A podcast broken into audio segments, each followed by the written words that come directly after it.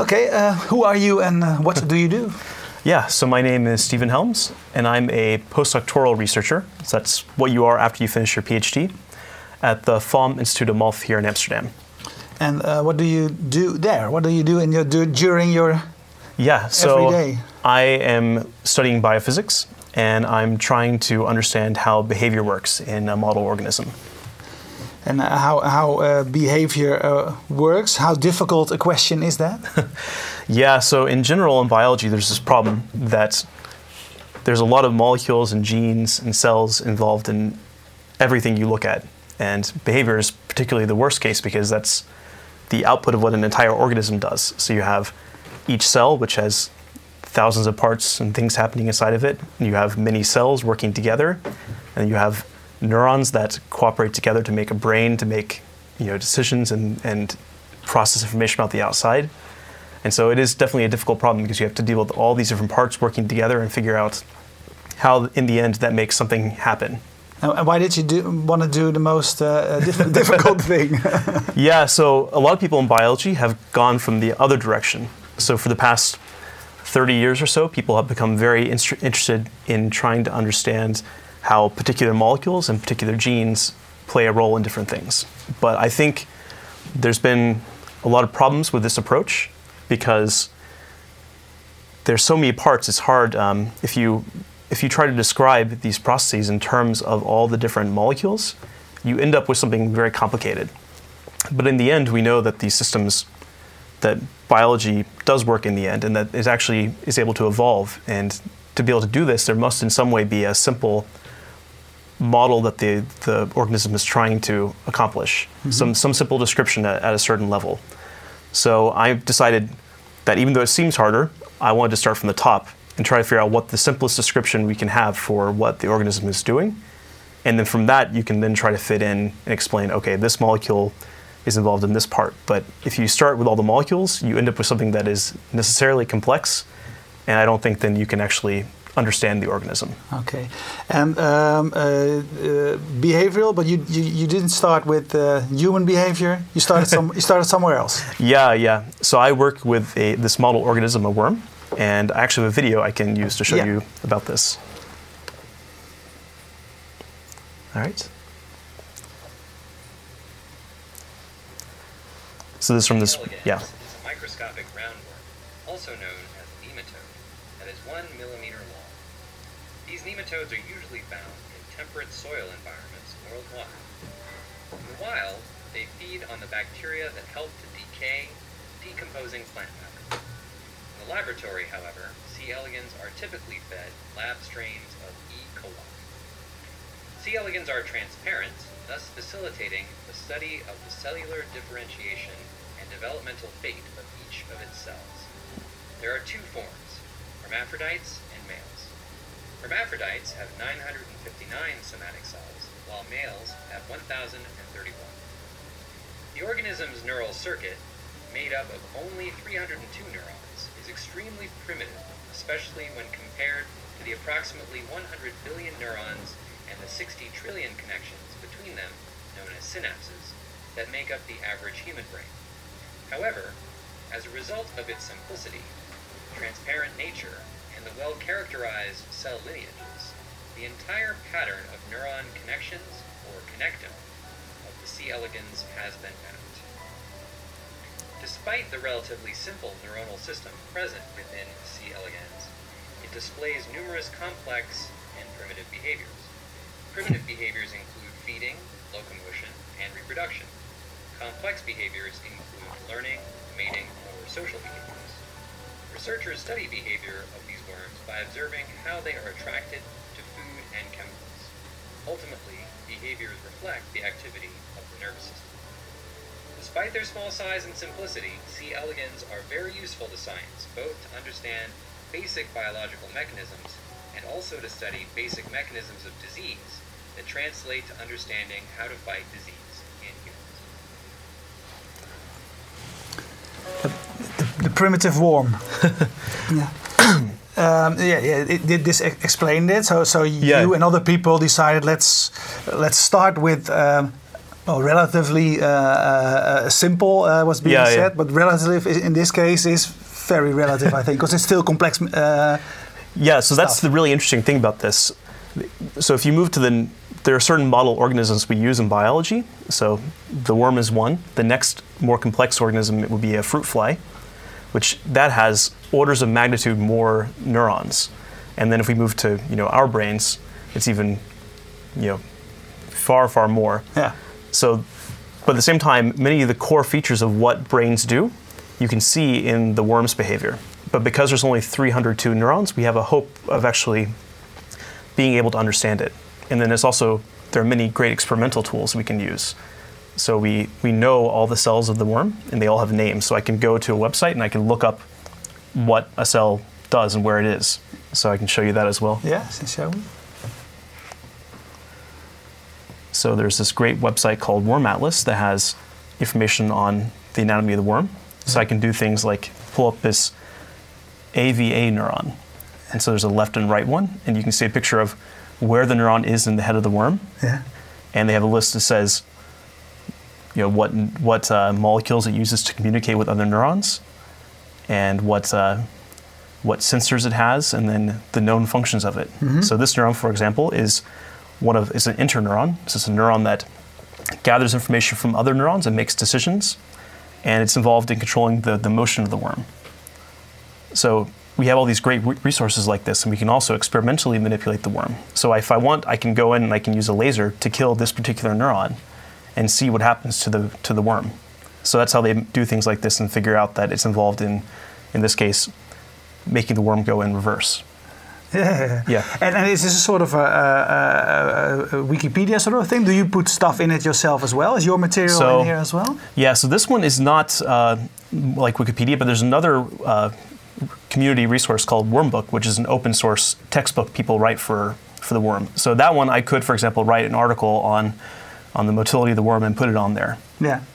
And uh, so, so uh, let, let, let's start, uh, or, or let's, let, let's pick this issue. Yeah. Um, how different uh, is it, uh, say, working together uh, with, with, with colleagues in your, in your field now than it used to be? Because this must, must be uh, ideal compared to what people used to do a long time ago. Well, I think this is different than some other fields, but it's actually been part of the nature of the, the this worm community since the beginning. Yeah. So it it's quite strange. Sometimes in science, they can have communities can have different personalities.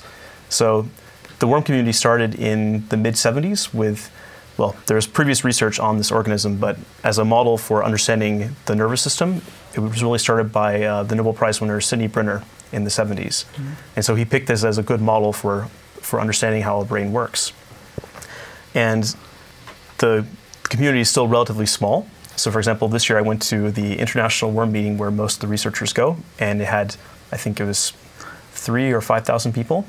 So it's big, but at the same time, everyone knows each other and they all work together and try to make it easy to, to pool information to understand how the simple organism works. Yeah. But yeah, other fields, sometimes people can be very competitive or, yeah, they don't easily Or share not things. share, but not, yeah, share, yeah. not sharing wise, but this is the. But this is like a like a sort of like the open source community in like programming. This is sort of the equivalent in biology. Okay, nice, Yeah. And and um, uh, and how far are, say, the five thousand of you in Mm-hmm. understanding uh, this worm? Yeah. So the community started off with a focus on genetics, and there's been a lot of great work done in in again building up these resources. So, for example, we have tools for for manipulating the worm genetically and for uh, identifying the genes involved in different different uh, behaviors. But I still think, despite we ha- despite all the information we have about the parts, we don't have a very good understanding of how the nervous system actually generates behavior. And I think part of it's a problem of not having a good definition of what the behaviors are. So because it started off as a field um, focused on genetics, people picked. When you do genetics, you look for things that you can easily. Uh, you try to basically break something and then see a, a, a big effect that you can visually see because you have to basically find. If you have some plate where you have a lot of worms and you're looking for one that is not behaving normally, you want to see something really obvious. Yeah. So they have things like uh, they, one of the phenotypes is called uncoordinated, which means that the worm can't coordinate its movement when it's trying to, to go. So you see worms that either can't move at all, or they go in circles, things like that. But these aren't good quantitative. uh, We can be more quantitative with how we describe what a worm is doing. So that's what I'm trying to do in my research, trying to find the best possible but still intuitive description we can have of the behavior. How do you do that research?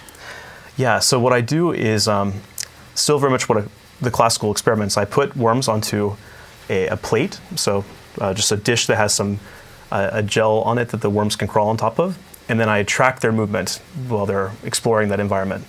So I can show you a picture of that.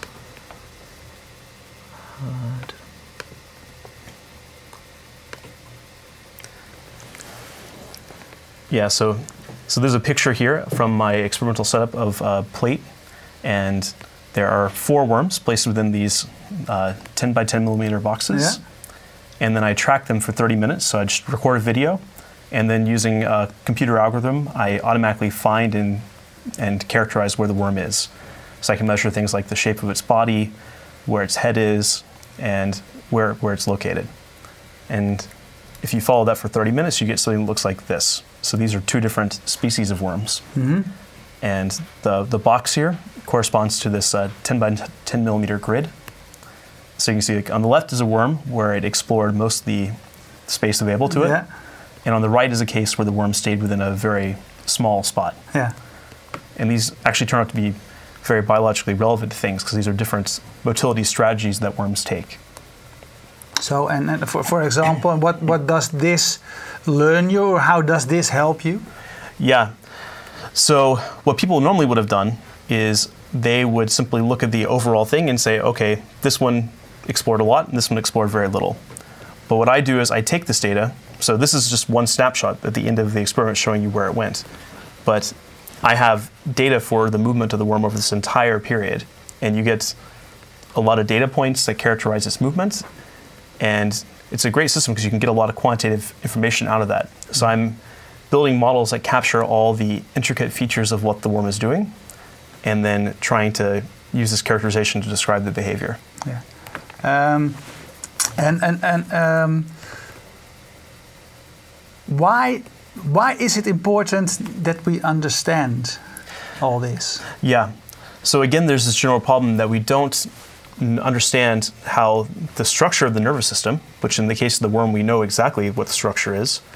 We can't directly say, okay, this worm is moving a lot because there's something special about this neuron. Mm-hmm. People try to do this and they get sort of fuzzy answers. So they find out, yeah, if you look under one condition, you can see that if you kill this neuron, then it's somewhat affected but not completely gone. Or you can see that if you if the worm, for example, smells something, you see some some neurons activate because we again we have these great tools where we can watch visually the activity of the neurons using uh, a certain protein that glows when the neuron activates. But it's been hard to say basically that this neuron does this thing or is even completely re- required for this thing. It seems that yeah, it's always some very complicated answer, and I think that it's partly a problem just because the way in which we're trying to look for this connection. So we're trying to say this neuron is doing something, but if our description of what then what we're looking for it to do is not quite optimal, then it's hard to get clear answers. So I'm trying to find mathematically what the correct way to describe what a worm is doing is, mm-hmm. and I think this is the key then to actually go back and say, okay, now it's really clear when these neurons have this pattern of activity, then you see this behavior happening. But if you try to do it without clearly having a good definition of what you're looking for, then it, you may be that you're mixing together two different things, or yeah, you're just not quite capturing the richness of what it's doing. No. I say there is the the, the, the, the phase comes that we uh, uh, well you understand uh, the worm and its behavior and then you've you've been to the fruit flies and Yeah. then then then then to the humans. Yeah. Say if you would understand how my brain works, what would it help us? Oh, oh, yeah. So, yeah, again, this is a general problem in biology, but right now, a lot of the things like the medicines we take, and particularly the case for uh, for um, like antidepressants and things like that, there's really no rational basis for them. They are found kind of randomly. Yeah. They, they tested chemicals and they found that some of them made people happier, and yeah, we don't really understand how these things work. And so most drugs that are designed nowadays are just variants of these originally discovered things that were kind of randomly chosen. And in some other fields, not in, uh, in, neuro- in the neuroscience field, people are trying to rationally design new drugs, but often it fails because mm-hmm. they basically found some protein in the cell that's important for some something like like you're controlling your blood pressure, for example. But then it turns out that when you study it in the context of a whole body, it becomes it's not not the it doesn't end up working. And I think it's again this problem that we don't have a good understanding of what is actually going on inside of organisms. And this is particularly the case for our brain. So I'm hoping that by developing tools here for theoretically understanding how the nervous system works, then when we look at more complicated things, we have at least some hope of of rationally understanding what is going on. Yeah. Again, right now it's not not so much a rational process. I mean, there's some there's an effort to do this. I shouldn't uh, dismiss what people are trying to do, but Yeah. it's been a huge problem. But it's, it's such a long-term work what you are doing, of course. So, so, so what makes you uh, uh, when, when you come home? What makes you think, well, this was a good day? Oh, yeah. So I, I think it's a good day when I find some simple explanation for something complicated that happened. So sometimes it's like, yeah, you have data that looks really weird and complicated, but if I can find some simple theory or I can look at it in some nice way, then I feel content. I, I, I'm really trying to find. I believe fundamentally that that biology is not complex. That there is some simple rules underlying it, and I'm trying to figure out what those rules are. So any day that I find some simpler way of describing something that I've been looking at, I'm, I'm happy. Yeah. how, how does uh, uh, computing help you in your work? Yeah, so um, as I was mentioning, th- there's a lot of data here. And the key to this model building approach is to really yeah, amass as much data as possible because I really want to take the raw data and use that to directly build models. So right now I'm kind of operating on the limits of what I can do computationally. So I've worked out experiments where everything is automated up until the point where I'm actually, you know, thinking about the data myself. That I can't automate. but uh, yeah, so the amount of data I can can process right now is being limited by the fact that, for example, my desktop computer it takes three times as long to process the data as it takes to collect an experiment. So I can keep doing lots of experiments, but I end up with this huge backlog of data to process, and then the storage is also a problem. So again, I track these things by using video microscopy, and these videos are, are huge. So it's a, the raw video file is 240 gigabytes per hour Okay. and you know there are many many experiments Yeah. so storage becomes a, an issue as well And how are you? Uh, and what are what are the solutions to this uh, to these issues? Because Yeah. they always say storage is getting cheaper every day, and uh, yeah storage is getting cheaper but then it's yeah they, we're also uh, the amount of data we can collect is quickly growing as well so for example i have been looking into to how i can possibly uh, upgrade all the things i'm doing at the moment and i could potentially scale up what i'm doing and make video files that are something like probably 10 times bigger so I would get more data at once, but I, mean, I would be collecting even 10 times more data. So that growth rate is still on the same order of, of how much the, the storage cost is going down. So yeah, I can buy you know multiple terabytes of hard drive space, but on my own it's difficult. Uh-huh. So I'm thankfully here in the Netherlands we have actually very good resources. So the the SURFnet and SURFsara organizations have um, you know amazing computational and storage uh, space, and so they're very helpful at dealing with these sorts of things. yeah, can, you tell me something about? Because how, how does that go? Do you uh, uh, um, well, do you have to make a reservation for uh, storage, or or a reservation for can I uh, use all your computing power uh, next week? Or Yeah, so I'm still learning myself how to do these things because I've only actually been working here for about a year and a half, and I'm just not getting to the point where I, I really need to do these things. But in general, the different uh, organizations here, for example, my research institute has an agreement that we can use something like, you know, so many thousands of computer hours uh, per year or something. So if you're within this limit, you can can do certain Yeah. things. But uh, these these agreements right now are mostly for this kind of still older technologies. So they're newer things like like uh, I don't know if you've heard of cloud computing. Yeah. It's this idea that you have many different computers that are all linked together, and you can just basically say, okay, I need to have this much power, this much space right now, and you can adjust basically the amount of power Yeah, you couldn't, have. couldn't you do everything with Amazon uh, services? So and th- that's an alternative thing, but I mean, they're not designed for doing academic research, and you know they have different pricing structures. So it's Yeah. better to use a kind of local thing with actual people here who can help you out. Yeah, but you do feel that, say, computing power and, and, and pr- pricing, etc., etc., of storage is hindering your. Uh, you could would be helped with better Yeah, yeah, facilities yeah. over there. So I certainly see that I could, I can already start to see interesting things with the data I have, but I really would like to have about at least 10 times more data than I have. And to do that, I would really start having troubles with the amount of power and storage I have available to me. So right now I'm already using up basically half of my, my lab's storage space for my one experiment I've done so Really? far. yeah. So how do your colleagues uh, look uh, look at you? Yeah, well, my, my colleagues are also generating lots of data, but they, the the computing support people at the university they they're not so happy. they keep thinking, why do you need all this data?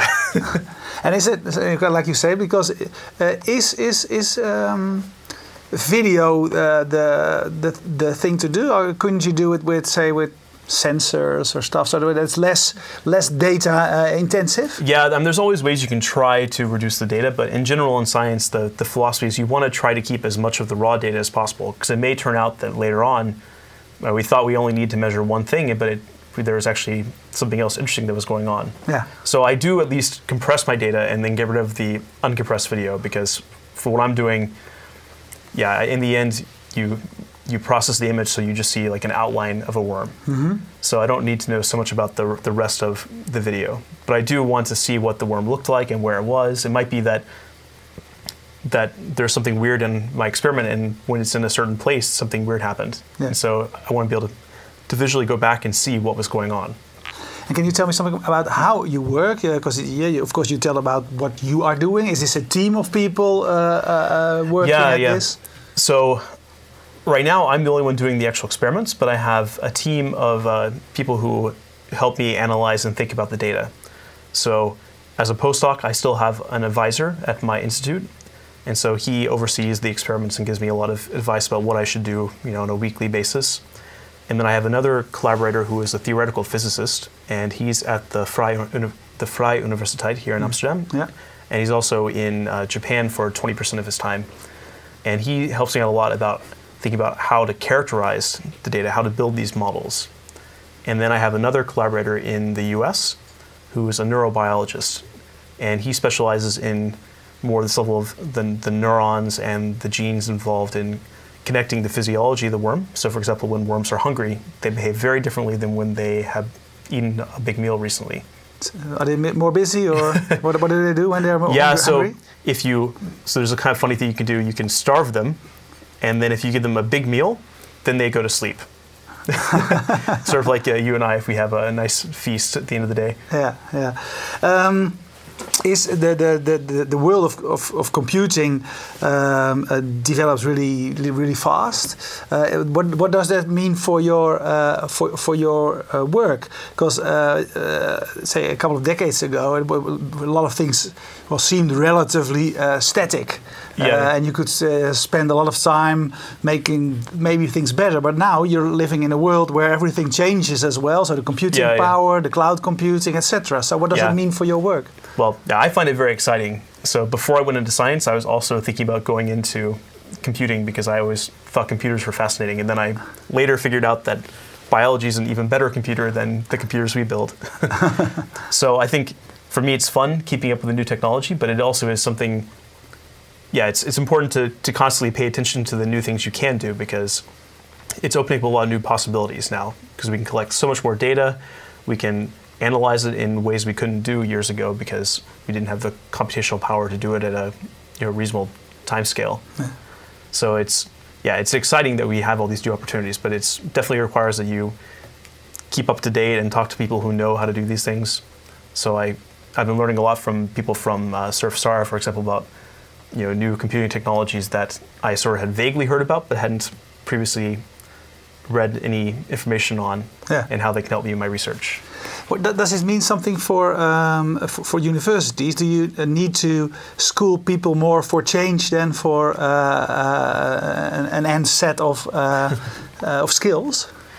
Yeah, so I think, I mean, things like programming is very important. You have to have some level of computational skill in science, but uh, yeah, it's more a matter of figuring out, yeah, what things are available to you. So a lot of times where it's easier just to use like you know your desktop computer because it's in front of you you can easily see it interact with. Some of these things like cloud computing you can't go and look at the, the cloud computer itself. So it's hard to sometimes know like oh i can do this thing with this or you know Uh-huh. this thing's available to me. So it's important i think that the at least the support people at the, the local institutes they know about these things and then they can at least tell you oh maybe you should look into doing this thing or that thing When do you think that you and your colleagues uh, understand uh, the, the worm? Yeah, so for me, I would just be happy if I could say, if I see some changes in behavior, and I can say how the changes in some neurons I can look at in the worm, if I can explain everything about how the worm's behavior changed by by explaining the activity of these neurons. And I think that's something that's achievable over like a 10 year time scale. But then the problem is going to be scaling it up to more complex organisms. yeah, But if we can't do it for a worm, it's going to be very hard to do for a human. yeah. But there's still something that But, both. but isn't it, isn't it fascinating how, how uh, I find it so fascinating everything we do for ourselves is so nat- natural and that it's such a complex thing that we can't even uh, yet understand ourselves. yeah, yeah. and That's, you know, people sometimes say if the mind is, I don't know where this quote comes from, but it's some famous quote like if if the mind were so simple that we could understand it, then we wouldn't actually be able to do that. Yeah, yeah. You need it needs to be complex to some degree to do this. But I think the key point is that there is something simple in biology that we can understand because if we look at evolution, we know that evolution works and you can change, for example, behaviors dramatically. You know, we don't behave exactly the same as an ape or as a mouse. Mm-hmm. So somehow these things can change in order to do different things on reasonable timescales. And if it's something really com- complicated, that's an impossible problem. If I give you this room full of random switches and you have to find some combination of them that makes the light come on, then you're never going to solve it. Uh-huh. You have to have some sort of simple structure there. Yeah.